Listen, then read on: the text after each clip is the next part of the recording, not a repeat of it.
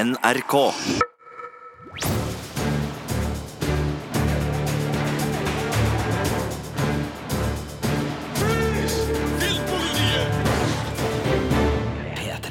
Og her er vi igjen, Filmpolitiredaksjonen, klar med en splitter ny podkast. I dag er vi to stykker her, nemlig Birger Vestmo. Og Marte Hedenstad. Og vi har sett filmer, og vi har sett en serie, og vi skal diskutere noen interessante nyheter som har sprukket i løpet av uka fra filmens og serienes verden. Filmene vi skal snakke om i dag, er romfartsdramaet First Man, den musikalske romansen A Star Is Born, skrekkfilmen Hellfest og det norske dramaet Phoenix. Og så har du, Marte, sett en ny serie? Ja, jeg har sett eh, en ny serie fra eh, Lena Dunham som serieskaper denne gangen, nemlig Camping. Eh, en komedie om forviklinger på campingtur. Men aller først, i dagens Filmpoliti-podkast skal det handle om First Man. Are you sure? Yeah. Be an Avenger. First man to walk on the moon. That'd be something. We've chosen a job so difficult, requiring so many technological developments. We're gonna have to start from scratch.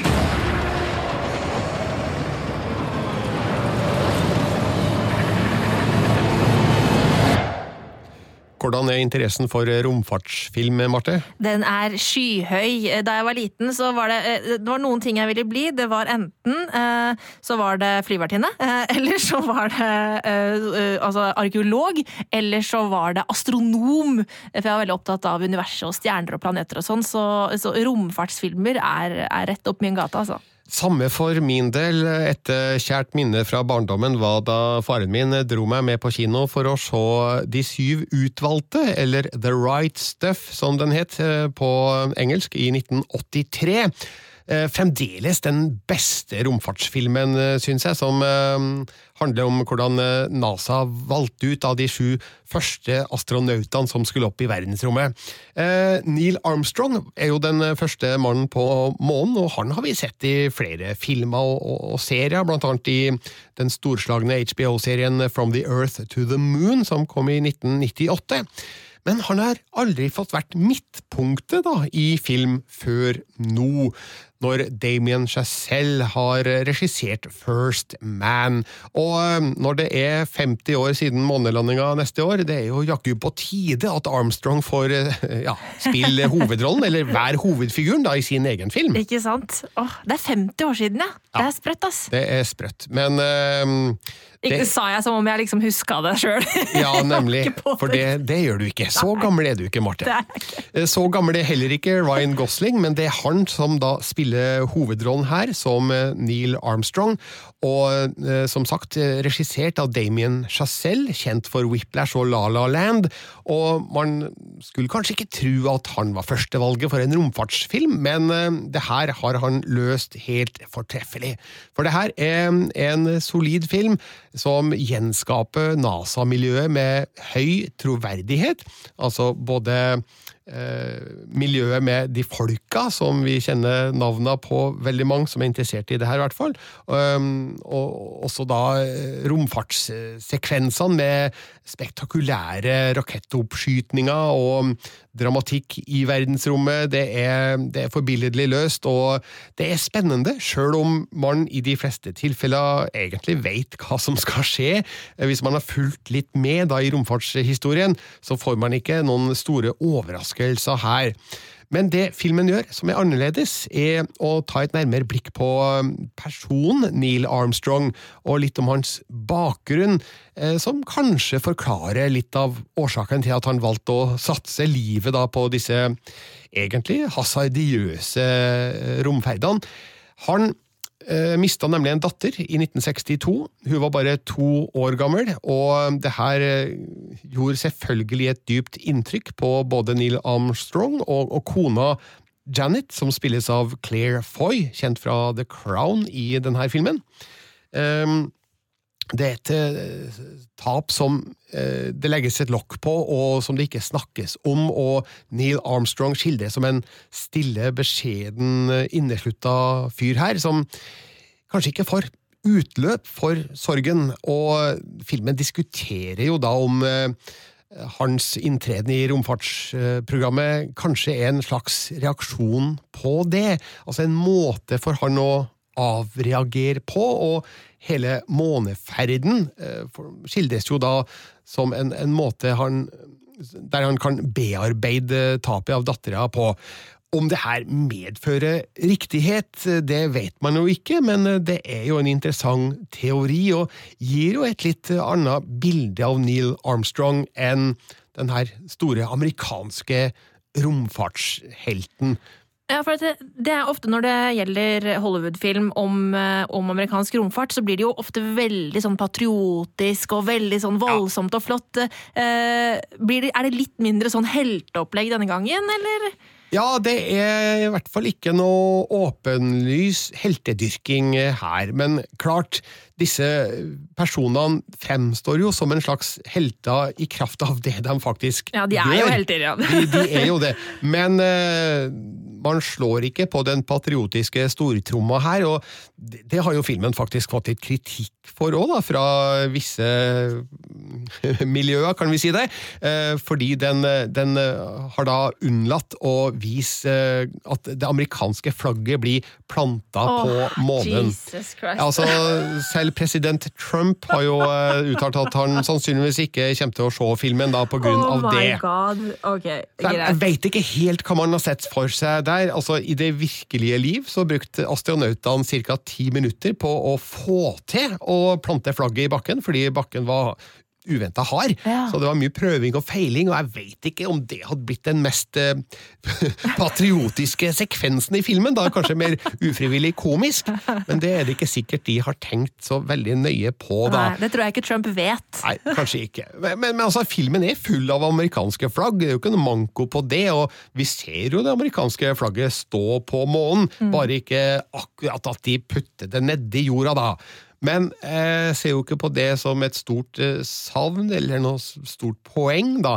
Eh, det er uansett ingen tvil om at det er amerikanske krefter som er inne i bildet her, men eh, vel, noen har valgt å mm, reagere på det uten å ha sett eh, filmen, og det er jo like synd som det er idiotisk, eh, spør du meg.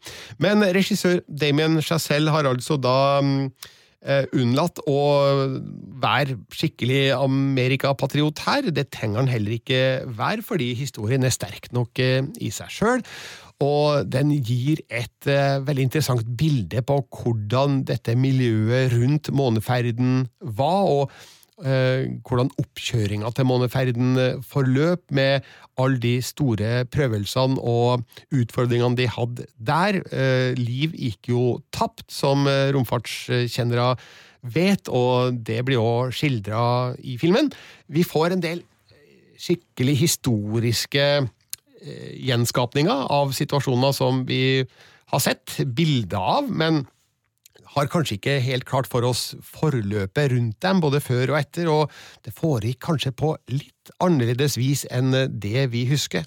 Så sånn sett er First Man en liten gullgruve for alle de som er interessert i romfart. Og alle de som er interessert i Ryan Gosling, og det er jo enda flere. Ja, De- jeg er ganske interessert i han. ja, du er ganske interessert i han, og det er jeg også. For han er en flink skuespiller som eh, virkelig har eh, grepet på det han gjør foran kamera. Det er interessant å se han i enhver rolle, syns jeg. Det er et eller annet med uttrykket hans som bare er interessant i utgangspunktet, så han kan egentlig bare møte opp og stå foran kamera, så er det nesten nok! Men han gjør mer, heldigvis, da, i rollen som Neil Armstrong, og um, jeg syns uh, dette er en film som fortjener å bli sett, og en klar femmer på terningen til First Man. Gå og se den på kino, der den bør ses, for uh, både det visuelle og det lydmessige her er top notch. Veldig kult. Eh, Men nå fikk jeg litt sånn lyst til å se litt sånn på sparket her, men fikk litt lyst til å se flere romfartsfilmer. Altså, eh, den, den du nevnte i stad, har ikke jeg sett. Hva het den? The Right Stuff. The Eh, Right Stuff. De syv utvalgte, den mener ligger ut på diverse strømmetjenester. Ja, hvis jeg, finne, hvis jeg skal se noen andre, har du noen forslag til noen andre romfartsfilmer som liksom folk bør se? Ja, de må selvfølgelig se Apollo 13, som eh, på en måte er en slags eh, eh, oppfølger av First Man, fordi det handler jo da om en romferd seinere i Apollo-programmet, som ikke det går så veldig bra med. Eh, Tom Hanks spiller hovedrollen eh, der. Kjempespennende film fra 1995 med Ron Howard som eh, regissør. Og så finnes det en del dokumentarer også rundt dette romfartsmiljøet som er interessante, blant annet The Last Man on the Moon, som mm. handler da om ja, den siste mannen som satte sin fot på månen. og det er jo en mann som ingen husker navnet på. I snakkende stund husker ikke jeg navnet på den, men, men jeg, har, jeg har sett dokumentarfilmen eh, som ligger ute på en strømmetjeneste, og den gir òg et interessant tidsbilde da av NASA og eh, slutten på dette mm, romprogrammet som mm. tok masse astronauter til månen. Så det er noen få tips, i hvert fall på, på veien. Men First Man er det som gjelder nå. Vi skal over til en eh, annen film som jeg tror kommer til å bli sett av veldig mange folk på norske kinoer. Den har Bradley Cooper og Lady Gaga i hovedrollene og heter A Star Is Born. Tell me something, girl. Do you write songs or anything? I don't sing my own songs. Why? I just don't feel comfortable. Why wouldn't you feel comfortable? Almost every single person has told me they like the way I sounded, but that they didn't like the way I look. I think you're beautiful. I'm falling Hey, What? I just want to take another look at you. in all the good times. I find myself longing. Vi vet jo at Lady Gaga synger godt, men at Bradley Cooper også gjør det, det fikk vi et lite bevis på her, og det gjør han også i resten av eh, filmen. En skuespiller jeg får mer og mer eh, respekt for. Ja, enig. Eh, Han, han, jeg har veldig stor sjansen for han, men her er han ikke bare skuespiller. Han er regissør også. Det er han. Han debuterer faktisk som regissør med A Star Is Born, som han også er en av produsentene og manusforfatterne av, så her har han mange jern i ilden på en gang, og resultatet er imponerende godt, faktisk. Eh, Nå er det her en historie som har blitt fortalt eh, en del ganger før, for det her er jo en eh, remake av en film fra 1976 med eh, Barbara Strayson og Chris Christofferson, som var en remake av en film fra 1954 med Judy Garland og James Mason, som var Oi, en oi, remake av en film fra 1937 med Janet Gaynor og Frederick March. Oi, oi, oi. Og A Star Is Born er velkjent fra Hollywood-historien. En tidløs historie, da. Ja, det er det, for eh, den har tydeligvis eh, vedvarende appell, og når den fortelles på nytt eh, i en oppdatert versjon på så godt vis som den gjøres her, så er det ikke noe problem med enda en runde på kino. Eh, For de som har sett eh, en eller flere av de eh, gamle versjonene, så, så kjenner man jo historien. Hovedtrekkene er mer eller mindre de samme, men det er jo en del avvikelser her og der, selvfølgelig. Men det handler altså da om en um, country-rock-artist. Jeg tror at jeg kan plassere han der. Uh, Jackson Maine, spilt av Bradley Cooper. Han er ute på turné. Eh, Etter en sein konsert så forviller han seg inn på en bar, der han eh, oppdager Ally, spilt av Lady Gaga, som gjør en opptreden. Eh, Det er for øvrig en drag-bar, det her. Eh, Han innleder etter hvert et forhold med Ally, tar hun med på sin pågående turné, og drar henne opp på scenen, der hun synger en av sine sjølkomponerte låter. Og så er det da en representant fra et plateselskap som oppdager hun og vil gjøre hun til stor stjerne.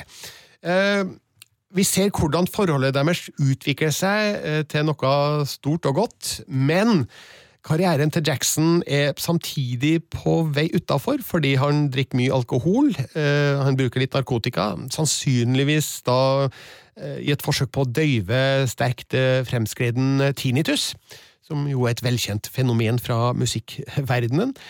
Og han blir rett og slett sjalu på Ally, som er en stigende stjerne, og det her skaper jo da konflikt i forholdet.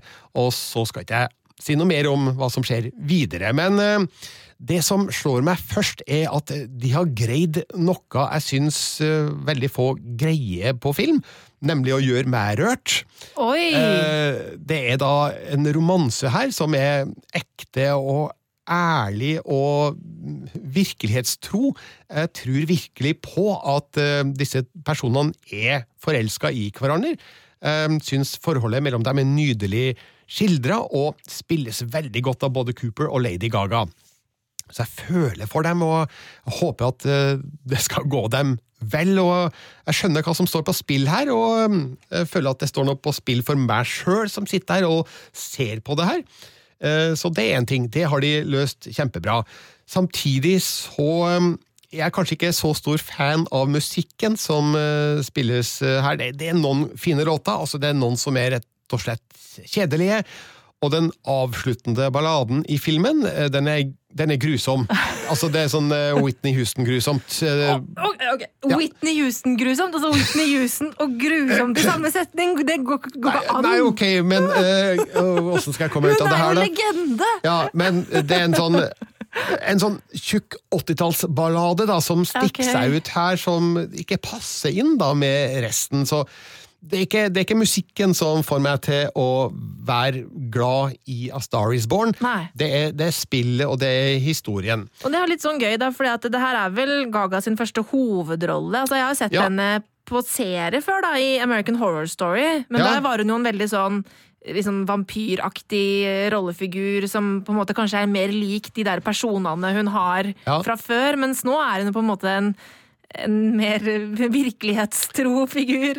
Hvordan går det med Gaga? Ja, det, det går veldig bra med hun. Hun gjør jo noe hun kan, og noe hun har et kjennskap til. Hun har jo også slått seg fram i musikkbransjen, akkurat sånn som Ally gjør her. og eh, Noe av det Ally snakker om i filmen, kan nok være ting Lady Gaga sjøl har eh, opplevd. Eh, hun forteller blant annet om at folk i musikkbransjen har gjort narr av nesa hennes, og sagt at eh, hun aldri kan bli en eh, stor stjerne med den nesa. Og eh, vel, eh, Lady Gaga har den nesa hun har, og det er ikke noe veien med den, men den er karakteristisk, og noen kan nok ha funnet på og sagt noe sånt. Ja, Det tror jeg på. Og er ikke det også sånn som Barbara Streisand også fikk høre uh, i Back in the Day? Og hun har jo Ja. også hatt den samme rollen! så det Helt er- korrekt. Hva er det med neser og vanvittig gode vokalister? Altså, Både Gaga og Barbara Streisand er jo helt fantastiske til å synge. Ja, de er det, og jeg syns faktisk at Lady Gaga i denne filmen har en stemmeprakt som kan måle seg med det Barbara Streisand hadde i uh, sin A Star Is Born, og det Judy Garland hadde i sin versjon av filmen i 1954. Så hun gjør rett og slett ingen skam på arven, uh, på, altså på de klassikerne som, som denne filmen er, er tufta på. Og eh, hvis noen skulle spille rollen i 2018, så, så måtte jo bli Lady Gaga. Et veldig godt valg der av Bradley Cooper. Så A Star Is Born er en imponerende regidebut av Bradley Cooper, som eh, viser seg å være en eh, mann med flere talenter enn vi kanskje hadde trua på at han hadde. Altså, Da vi så han i, eh, i godeste Hva heter denne komedien? Eh, Back in the Day. Eh, Hangover. Hangover! Ja. Du, du, du så ikke for deg det her da, liksom? Jeg trodde ikke at han skulle komme hit, men allerede i debuten så um, imponerer han med kompetent regi, så her kan han gjøre flere gode ting bak kamera, men forhåpentligvis holde seg litt foran kamera også. A Star Is Born er i hvert fall et bevis på at, han, han greier begge deler, så han har arbeidskapasitet. Ingen tvil om det. Um, A Star Is Born har jeg kalt en uimotståelig miks av rufsete musikk og sjelfull romantikk på um, p3.no, og gitt en klar terningkast fem der også. Gleder meg til å se den. Så både First Man og um, A Star Is Born så jeg på samme dag, og det var en god dag på kino, Marte. Det var det. Men nå skal vi høre om du hadde en god dag på kino da du så den norske premierefilmen Phoenix. Mamma? Mm, det er kaffe. Pappa kommer på lørdag. Har du glemt å si det? Hvor er mamma?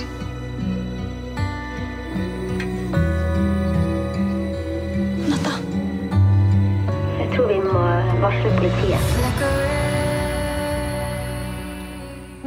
Ok, Marte. Det er altså Phoenix det er snakk om, og Yes. hva er det her for en film? Jo, det her er da en film som passer veldig fint at kom denne uka. For, eller som kommer denne uka, fordi det er jo, denne, denne uka var det jo dagen for psykisk helse. Um, og det handler jo da om en 14-åring som heter Gill, som uh, rett og slett vokser opp med en mor som er ganske alvorlig psykisk syk.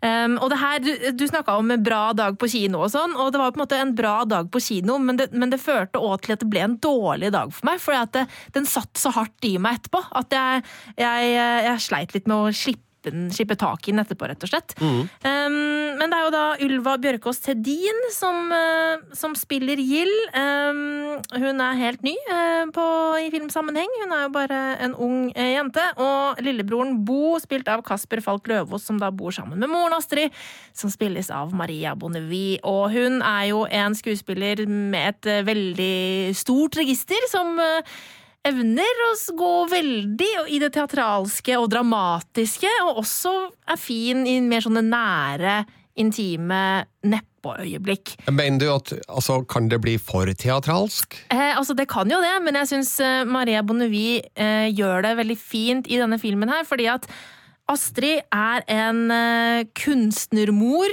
uh, som uh, hvis jeg skal Altså, jeg synes hun Nå er ikke jeg noe psykolog, men jeg syns hun kanskje virker manisk da, i, i det hun sliter med.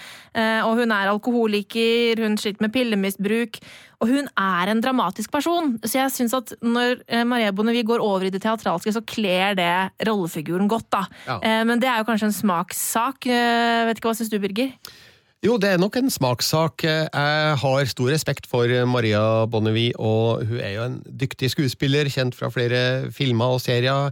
Eh, Akkurat i denne rollen så er det tidvis at jeg tenker at eh, det, det er grenser til overspill, men så veit jeg ikke heller om filmen eller rollen har vært bedre hvis hun hadde roa det litt ned. Da har vi kanskje ikke skjønt helt hva mora Astrid Faktisk sliter med. faktisk sliter Ja. med og går igjennom. Mm. Ja, for jeg syns det funka, synes det funka veldig greit. Da. og Jeg syns at det ble troverdig. Eh, Og det som denne filmen jo da handler om, er jo at Astrid hun klarer jo ikke ta vare på seg sjæl. Altså, hun eh, tar sovepiller for å bare slippe å være våken på dagen. Og hun, eh, det er Gild som må ta vare på både mora og lillebroren Bo, eh, og også seg selv oppi det hele. Og det som jeg syns filmen får frem veldig bra, og som Camilla Strøm Henriksen, som er manusforfatter og regissør, som også gjør sin debut her, eh, hun eh, får veldig godt frem det med hvordan det er å være barn og måtte skjule for andre eh, at alt ikke er som det skal være hjemme. Um, og det var det som traff meg så sterkt eh, med denne filmen her. Ja. Eh, den derre Nei, nei, mamma har det fint, hun. Eh, og så sier folk 'å ja, men det var bra å høre', istedenfor at altså, de, blir aldri, de pusher aldri på ekstra. Det er ingen naboer som liksom ah, Det blir liksom aldri det lille ekstra taket for å faktisk finne ut av hvordan det egentlig går hjemme. Uh, og det syns jeg ble, ble veldig sterkt i denne filmen. Og um, jeg syns også Gill, uh, rollefiguren, er eh, ganske også troverdig i den der veslevoksenheten som eh, ofte barn tar på seg når de må stå i den rollen, da.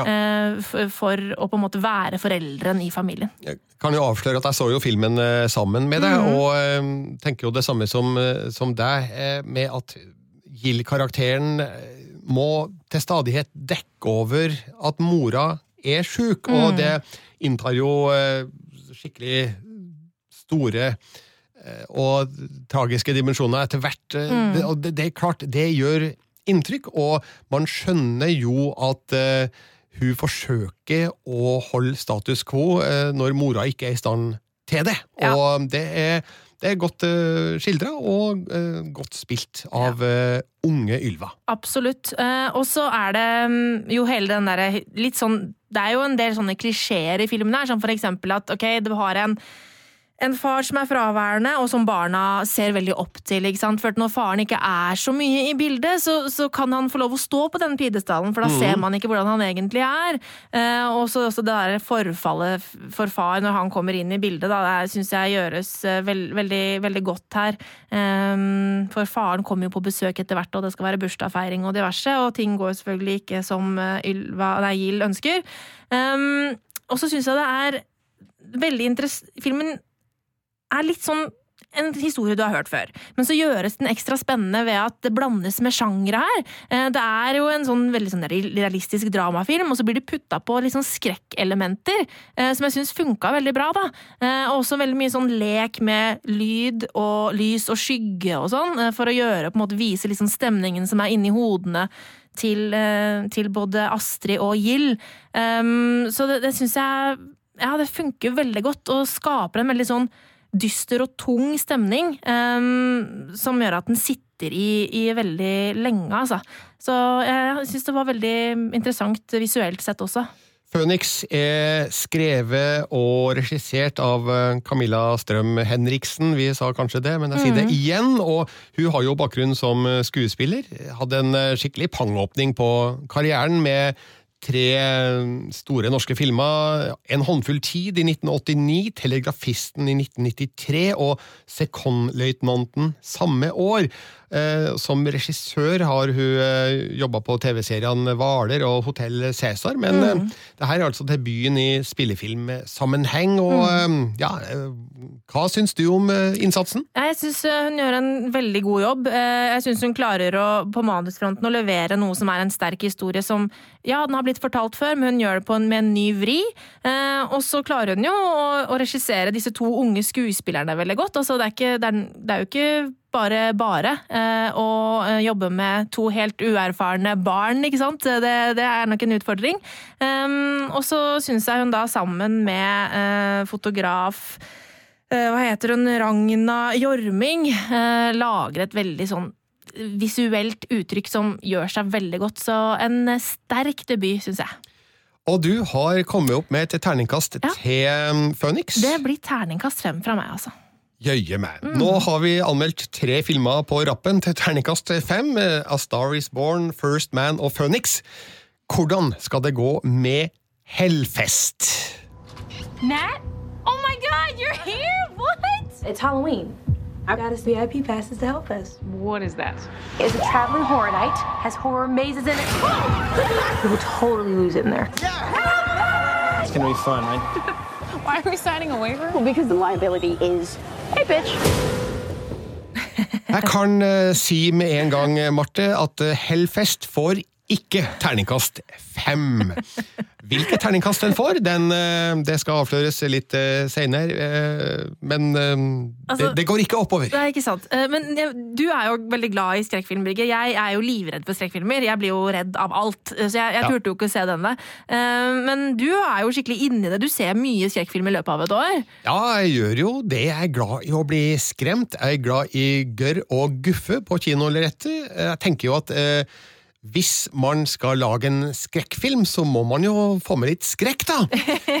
og det har Hellfest altfor, altfor lite av. Altså, det her er bleik og tannløs skrekk som uh, feiler totalt, etter min mening, og som ingen vil la seg skremme av. Eh, Selv ikke meg. Nei, nei, jeg tror ikke du blir skremt engang, for det er så åpenbart når de skal prøve å skremme deg. Eh, ingen vil bli overraska over eh, noe som skjer her, tror jeg. Nå tenk, tenkte jeg underveis at med noen få klipp her og der, så kunne faktisk Hellfest vært en film for barn. Oh, ja. Eh, For det, det er så lite skrekkvirkemidler her som tråkker til. Okay. Det, det, det, er to scener der de har prøvd litt. Men ellers så feiler filmen på de fleste punkter, og da blir det her kjedelig og uengasjerende, og ja, det blir, det blir litt kjedelig å, å følge med på begivenhetenes gang, fordi det, det er ingenting her som rykker tak i deg og ja, får deg til å skvette på ordentlig, så jeg ble skikkelig Så skikkelig skuffa over Hellfest. Eh, Utgangspunktet er jo ikke helt bak mål, da, fordi det handler om en vennegjeng som drar til en eh, skrekkpark, altså en fornøyelsespark, som heter Hellfest. eh, Der det er masse sånne spøkelseshus og skrekklabyrinter og maskerte skuespillere som springer etter deg med sånn gummikniver og sånt. Eh, Men så viser det seg at det selvfølgelig er en virkelig drapsmann løs i parken. sant? Det er en som har en ekte kniv. En ekte kniv. Ja. Og, men uh, det her forstår de jo ikke med en gang, at uh, han er the real deal. Eh, når de skjønner det, så blir det jo en del løping og hyling og skriking, da, men eh, de greier liksom ikke å gjøre noe ut av det, filmskaperne av eh, Hellfest. Det blir business as usual, og det blir eh, forsøk på skrekk som vi har sett altfor mange ganger før. De har riktignok det visuelle uttrykket inne, altså denne skrekkparken, den er for så vidt eh, godt eh, løst rent scenografisk, og fotografen har fått leke seg mye med lys og skygge og røyk og sånn, men så klarer de ikke å fortelle en historie der det skapes en eh, ordentlig nerve. Det blir aldri spennende. Og hvor er blodet? Altså, hvor er gørra? Show me the money! Altså, Lager du skrekkfilm, så må du lage ordentlig skrekk, og det har ikke regissør Gregory Plotkin greid. Litt rart, egentlig, fordi han har erfaring fra uh, Paranormal Activity-filmer, der han var okay. klipper. Han var òg klipperen av eh, suksessfilmen Get Out. Og så gjorde han sin regidebut da med den, eh, jeg tror det er den femte Paranormal Activity-filmen som heter Ghost Dimension. Den var bare sånn passe bra, jeg ga den terningkast tre. Mens andre filmen dessverre er dårligere. Det er en kjedelig og forutsigbar eh, skrekkfilm. Eh, I anmeldelsene mine på, P- på p3.no har jeg satt eh, skrekkfilm i tødla. som unngår eneren på terningen bare fordi bildene er fine, og så liker jeg Amy Forsythe i hovedrollen. Hun ligner nemlig på en ung Diane Keaton, kanskje mest kjent fra Woody Allen sine filmer, for de som har sett de.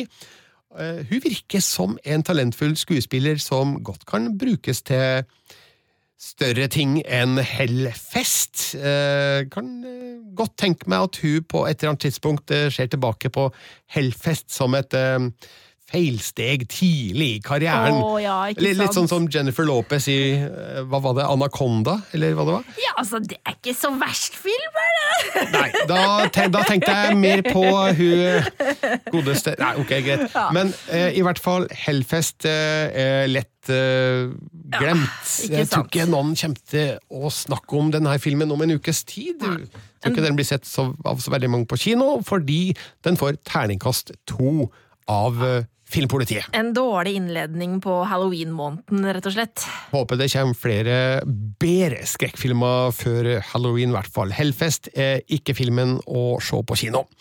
Vi skal over i TV-ruta her i Filmpolitiets podkast. Det skal handle om eh, serien Camping. Hi, checking in. It's Walt's 45th birthday soiree. Cheers. This place has its own magic. I think you're gonna love it. You smell nice. This is such a great spread. You want a wiener? Watch your fingers, honey. It's nice to get away and unplug. Guys, eyes on me! I am the only certified lifeguard present, so please keep an eye on me. I innledninga sa du, Marte, at Camping var en ny serie fra Lena Dunham. Yes, det er eh, Lena Dunham som har slått seg sammen med eh, Jennifer Connor, som var produsent på Girls, blant annet. eh, Og som da har gjort en britisk serie fra 2016 om til en Hollywood-serie med Jennifer Garner i hovedrollen som eh, den nevrotiske Catherine som sliter med kroniske smerter etter en helt rekke operasjoner eh, i forbindelse med graviditet og problemer og masse sånn der greier. Eh, og eh, det er Ja, hva skal jeg si? Altså, jeg har sett fire episoder. Det er halve serien. Den, det er nemlig åtte episoder i den. Og det her er ikke bra greier, altså. Dessverre. Eh, Jeg digga jo Girls back in the day, um, og hadde håpet at det kanskje kom noe litt sånn edgy og kleint på den gode måten, også denne gangen fra Lina Dunham, men det gjør det ikke. Det er rett og slett bare kleint. Punktum! Eh, og det det handler om, da, er jo at um, Catherine eh, og Walt, som er mannen hennes, drar på camping med en vennegjeng i forbindelse med at Walt blir 45 år. Eh, og det her er da en samling med en gjeng med mennesker som man ikke liker. eh, Og som man ikke skjønner hvorfor egentlig er venner. eh, Og som da på en måte blir utsatt for Catherine sin kontrollfrikhet. Og bare det er dårlig stemning, liksom. Hva har gått feil her? Nei, det er et veldig godt spørsmål. Jeg, jeg, jeg skjønner ikke helt. Det som er den store feilen med, med serien, er at Catherine ikke har noen sympatiske trekk. Eh, fordi når du og det er, altså du, kan, du kan lage serier med hovedpersoner som er, du ikke liker, men da må det være et veldig bra birollegalleri som, som du koser deg i lag med. Eh, og så kan man på en måte mislike hovedfiguren sammen med dem.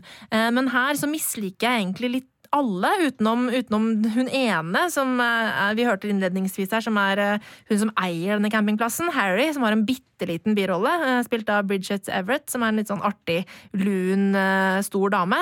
Um, men um, altså, den dårlige stemninga som, som utspiller seg på grunn av uh, Catherine, den smitter over på meg. Jeg sitter ikke og ler av den dårlige stemningen. Det blir ikke morsomt på TV-skjermen. Det, det, fungerer ikke bare, da. Eh, og da sitter jeg og gleder meg til de fire episodene jeg måtte se er over, rett og slett. Um, og det er litt sånn merkelig, fordi jeg vet jo at uh, Lena Dunham, hun, hun har um, hatt selv problemer med det som heter endrometriose, som er en sånn ja, kronisk sykdom som kvinner kan få i, i bekken og livmor og sånn der. Eh, og det er vel det Catherine sliter med også i denne serien. Eh, og da syns jeg det er litt sånn merkelig at hun fremstiller henne så ekstremt usympatisk. Ehm, for det som er greia her, er at det virker litt som at de kroniske smertene til Catherine kanskje egentlig har gått over, men at hun er så livredd for å få det tilbake at hun har blitt så ekstremt nevrotisk av det. Sånn at det ligger mer oppi hodet da, enn faktisk smerter. Um, og det er bare slitsomt å se på det. Og Jennifer Garner er egentlig en sjarmerende skuespiller som jeg har sansen for. Eh, men hun er altså Vi snakket litt om tidligere i forbindelse med Phoenix om det kan bli for teatralsk. Ja, det kan det. Ja. Det blir det her. Jennifer Garner er helt over the top eh, og overspiller hver minste lille ting hun gjør. Og det blir altså så slitsomt å se på at eh, jeg kommer ikke til å se de fire siste episodene. Det, det er halvtimesepisoder, så det er jo ikke så mye eh, man skal gjennom, liksom. Men jeg har fått nok. ass. Det, her, det er ikke bra nok. Oi. Mm. Eh, men hvor og når går det her? Jo da, Det her går på HBO Nordic. Det begynner 15. oktober, altså på mandag.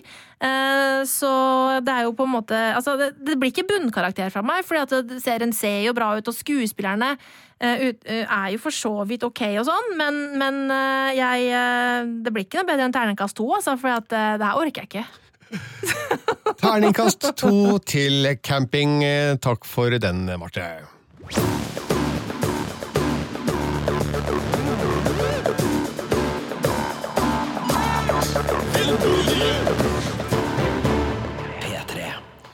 Vi skal avslutte denne podkasten fra Filmpolitiet med et blikk på noen interessante nyheter som har kommet i løpet av den siste uka. og vi har merka oss at Netflix fremdeles er på offensiven.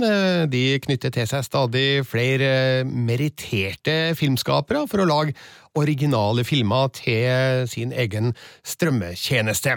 Mm. Og denne uka ble det kjent at Netflix har sagt ja til å finansiere og gi ut eh, filmen The Laundromat, som eh, skal regisseres av Steven Soderberg. Og det er et drama basert på den såkalte Panama Papers-skandalen, hvis du husker det, Marte? Ja, jeg husker at det var veldig mye skriverier om det. Eh, og det, utover det så husker jeg at det var vel noe økonomisk snusk, stemmer det? Ja, det er da eh, dokumenter som avslørte storstilt eh, skattesvindel. Yes. Eh, og der var det jo en del eh, politikere som ble innblanda, blant annet eh, denne engelske statsministeren, den britiske statsministeren ja. Eh, David Cameron og Islands statsminister Sigmundur Gunnlaugsson. Og Trump ble vel også nevnt i Panama Papers, eh, ja, blant flere andre.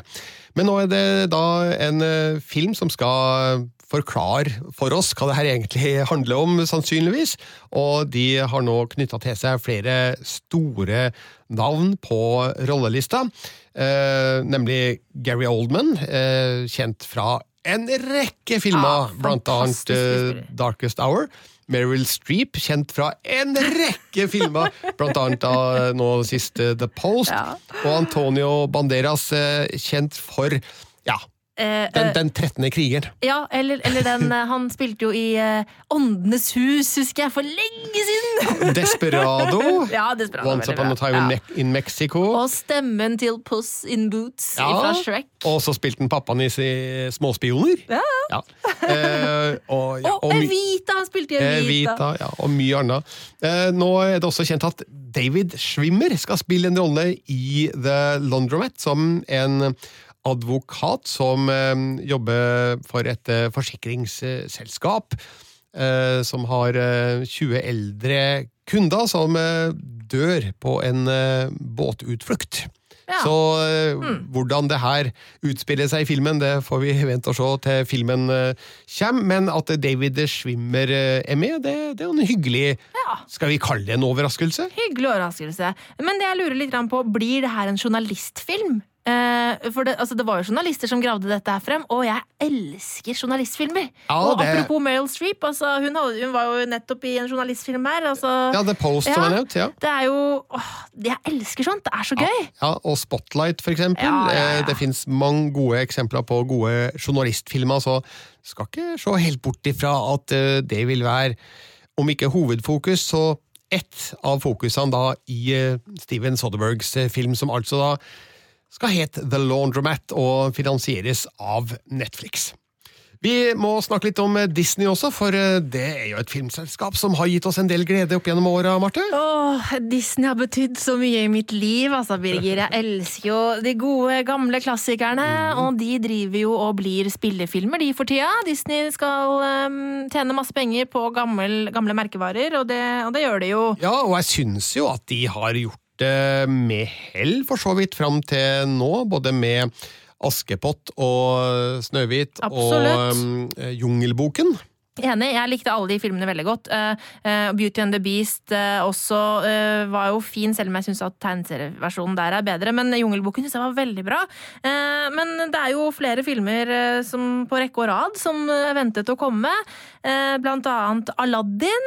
Og denne uka så slapp jo da Will Smith, som spiller Genie i Aladdin-filmen, ut plakaten på Instagram. Jeg kjente at jeg var veldig spent på å se den plakaten, og så Ja. klikka jeg meg inn på den, og så ser det jo akkurat ut som plakaten Ja. fra den animerte filmen fra 90-tallet, bare uten Genie-figuren. Ja, bare med en lampe. Ja. Eh, Så, så det var jo kanskje ikke sånn veldig spennende, men der eh, kom det da Der sto det også Mai, eller May, eh, på plakaten. Sånn at eh, da vet vi jo da Ja, det er i mai Aladdin kommer.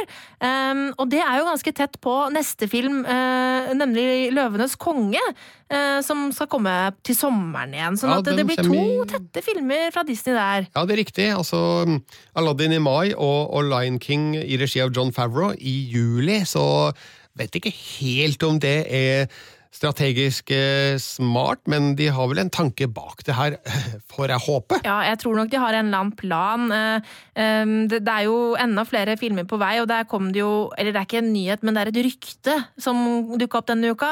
Apropos Lady Gaga. eh, Det ryktes at det er hun som skal ha rollen som Ursula, sjøheksa, i Den lille havfruen-filmen, som også er in the works. Så Ja. det tror jeg hun hadde passa skikkelig bra til. Eh, og jeg, jeg syns den Ursla-låta i, eh, i, i Den lille havfruen er veldig kul. eh, sånn at ja, jeg tror Gaga kunne gjort en god figur der. Ja, jeg, jeg har et forslag til hvem som skal spille hovedrollen i Den lille havfruen. Okay. I rollen som Ja, Ariel. Ja, takk, jeg hadde litt jernteppe, huska ikke at hun het Ariel. Ja.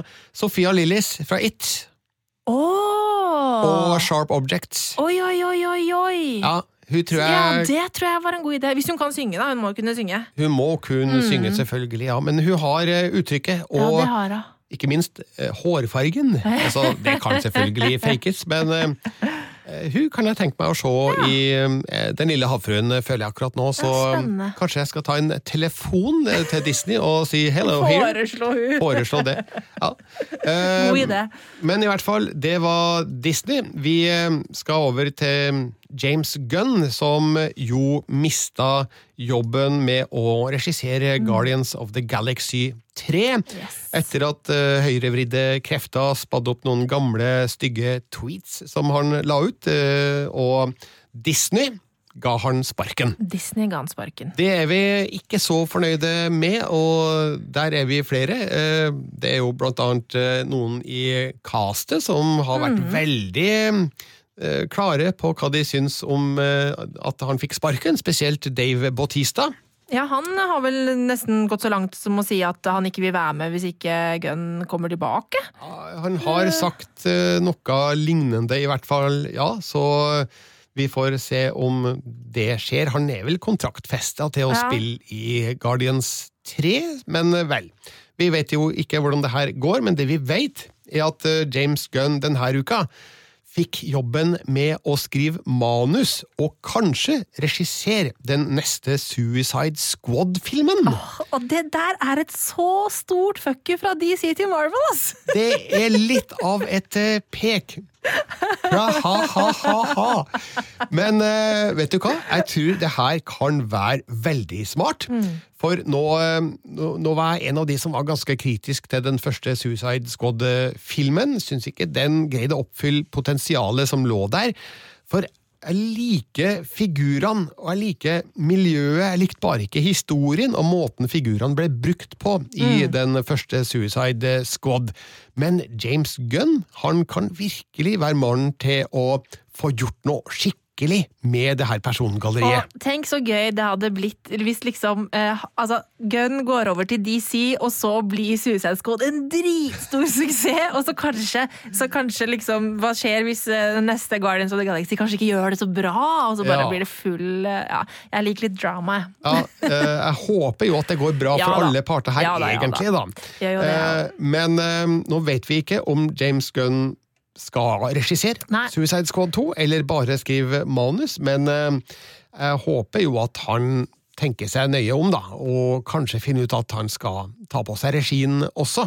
Sjøl om han har vel en skrekkfilm på gang som skal slippes i løpet av neste år, så um, kan jo eh, Suicide Squad 2 være en mulighet for han å komme tilbake i registolen eh, igjen.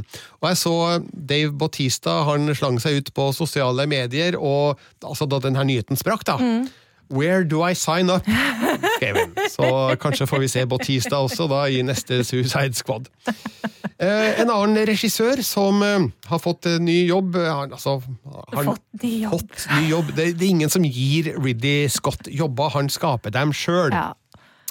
Nå eh, skal han regissere en TV-serie, og det er første gang siden 1960-tallet at Ridley Scott regisserer for TV. Hva var det han hadde regi på da?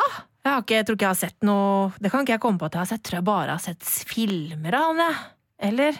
Jo, nå skal du høre her. Han regisserte en episode av Z-Cars i 1965.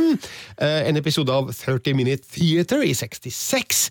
Tre episoder av Adam Adamant Lives i 1966 og 67. Ja. En episode av Half Hour Story i 67. En episode, nei, to episoder av The Informer i 67. Og en episode av The Troubleshooters fra 1969. Men etter det så har alt handla om eh, kinofilm for Ridley. Scott. Nå er det altså tilbake til TV-ruta med en eh, science fiction-serie som skal hete Raised by Wolves. Det høres ut som en spennende tittel, eh, og jeg liker jo når måte ordene science fiction og Ridley Scott blir sagt sammen. Det, er, det, det lover jo ofte godt, da. Ja, og igjen skal det handle om androider, som han har eh, laga film om eh, før, nemlig både i Alien og Alien Covenant, og ikke minst da i Blade Runner. Min favorittfilm over alle, kanskje. Blade Runner. Eh, Raised by Wolves skal nemlig handle om to androider som har oppgaven om å oppdra menneskebarn på en eh, mystisk eh, fremmed eh, planet. Eh, Kolonien vokser, og ting skjer menneskene imellom som gjør at androidene blir satt på store utfordringer. Det er da det lille synopsiset vi har av Raised by Wolves. Og veldig spennende. Og da, når du sier det synopsiset, så har jeg umiddelbart så mange spørsmål. Sånn der, på en måte, er det et eksperiment? Eh, blir de på en måte eh, eh, oppdratt av androider fordi at menneskeheten har dødd ut? Altså, Ja. altså, det er så mange tanker! Ja. Spennende. Ja, og en utforskning av eh, hvordan helt nye mennesker eh, fungerer seg imellom, og hvordan de lager seg et samfunn, kanskje, på denne planeten. det, det er mange muligheter her, altså, som Ridley Scott eh, skal utforske i sin eh, serie. Det, det eneste jeg lurer på, er når skal han få tid til å lage denne serien? Fordi han har jo så mye annet på gang. Altså, Det siste vi så han på kino, var All the Money in the World. Eh, og så har han minst tre andre prosjekter annonsert, nemlig en eh, oppfølger til Alien Covenant. Han skal mm, lage en spionthriller som heter Queen and Country, med Sylvia Hox i hovedrollen, hun som spilte hun spilte vel da en androide, faktisk, i den siste Blade Runner-filmen, Mm. Blade Runner 2049. Og så skal han lage en eh, svær remake av krigsfilmen Battle of Britain. Eh, så eh, denne karen som er Har han fylt 80 år nå? Jo, han begynner å dra veldig på åra. Han er, Han er, født i, han er født i 1937. Ja, han er over, han er, han er over 80. Han ble, åt- nei, han ble 80 i fjor. Shit, han blir 81 i år, og er still going strong, så man kan jo bli imponert. Altså, han holder seg veldig godt. Ja, altså, han har blitt eldre, han også. Det merka jeg sist jeg møtte han da Alien Covenant uh, skulle presenteres for verdenspressen, men uh, fremdeles oppegående. Han ser ikke 80 aktiv. år ut, liksom. Nei, han uh, gjør ikke det, så kanskje arbeidet holder han ung. Vi får Ja. nesten håpe det. Ja, vi får håpe det. Uh, at uh, alle de prosjektene han har på gang nå, faktisk Ja. blir realisert. Og han er en fyr som Han kommer til å jobbe til han dør, tror jeg. Han kommer ikke til å pensjonere seg, Ridley Scott. Det har jeg ikke tro på. Jeg håper virkelig at han holder det gående i minst eh, ti år til. Ja. Jeg tror vel det, det fins en rekord et sted eh, for verdens eldste filmregissør, og jeg lurer på om han var 104 år. Oi, shit! Jeg husker Oi, oi, ikke oi. i farta hvem det er, men eh, la oss satse på at Ridley Scott eh, slår den rekorden, for da har vi minst 23 år igjen med Ridley Scott-filmer på kino, og ja takk til det. Vet du hva? Da tror jeg vi sier at dette var det for dagens podkast fra oss i Filmpolitiet. Vi er tilbake om en uke med flere filmer og serier. Vi som har vært i studio i dag, Marte Hedestad. og Birger Vestmo. Og vi vil gjerne at eh, du som har hørt det her, gir oss en rating og en kommentar der du henter dine podkaster, sånn at vi når enda lenger ut med vårt eh, herlige filmstoff. Og hvis du har spørsmål, så kan du gjerne sende oss en e-post. Det kan du på filmpolitiet at nrk.no. Eller så kan du alltids følge oss på Instagram, for eksempel, eller på Twitter. Du finner oss hvis du søker etter Filmpolitiet. Mange gode muligheter her. Takk for at du hørte på. Vi høres igjen.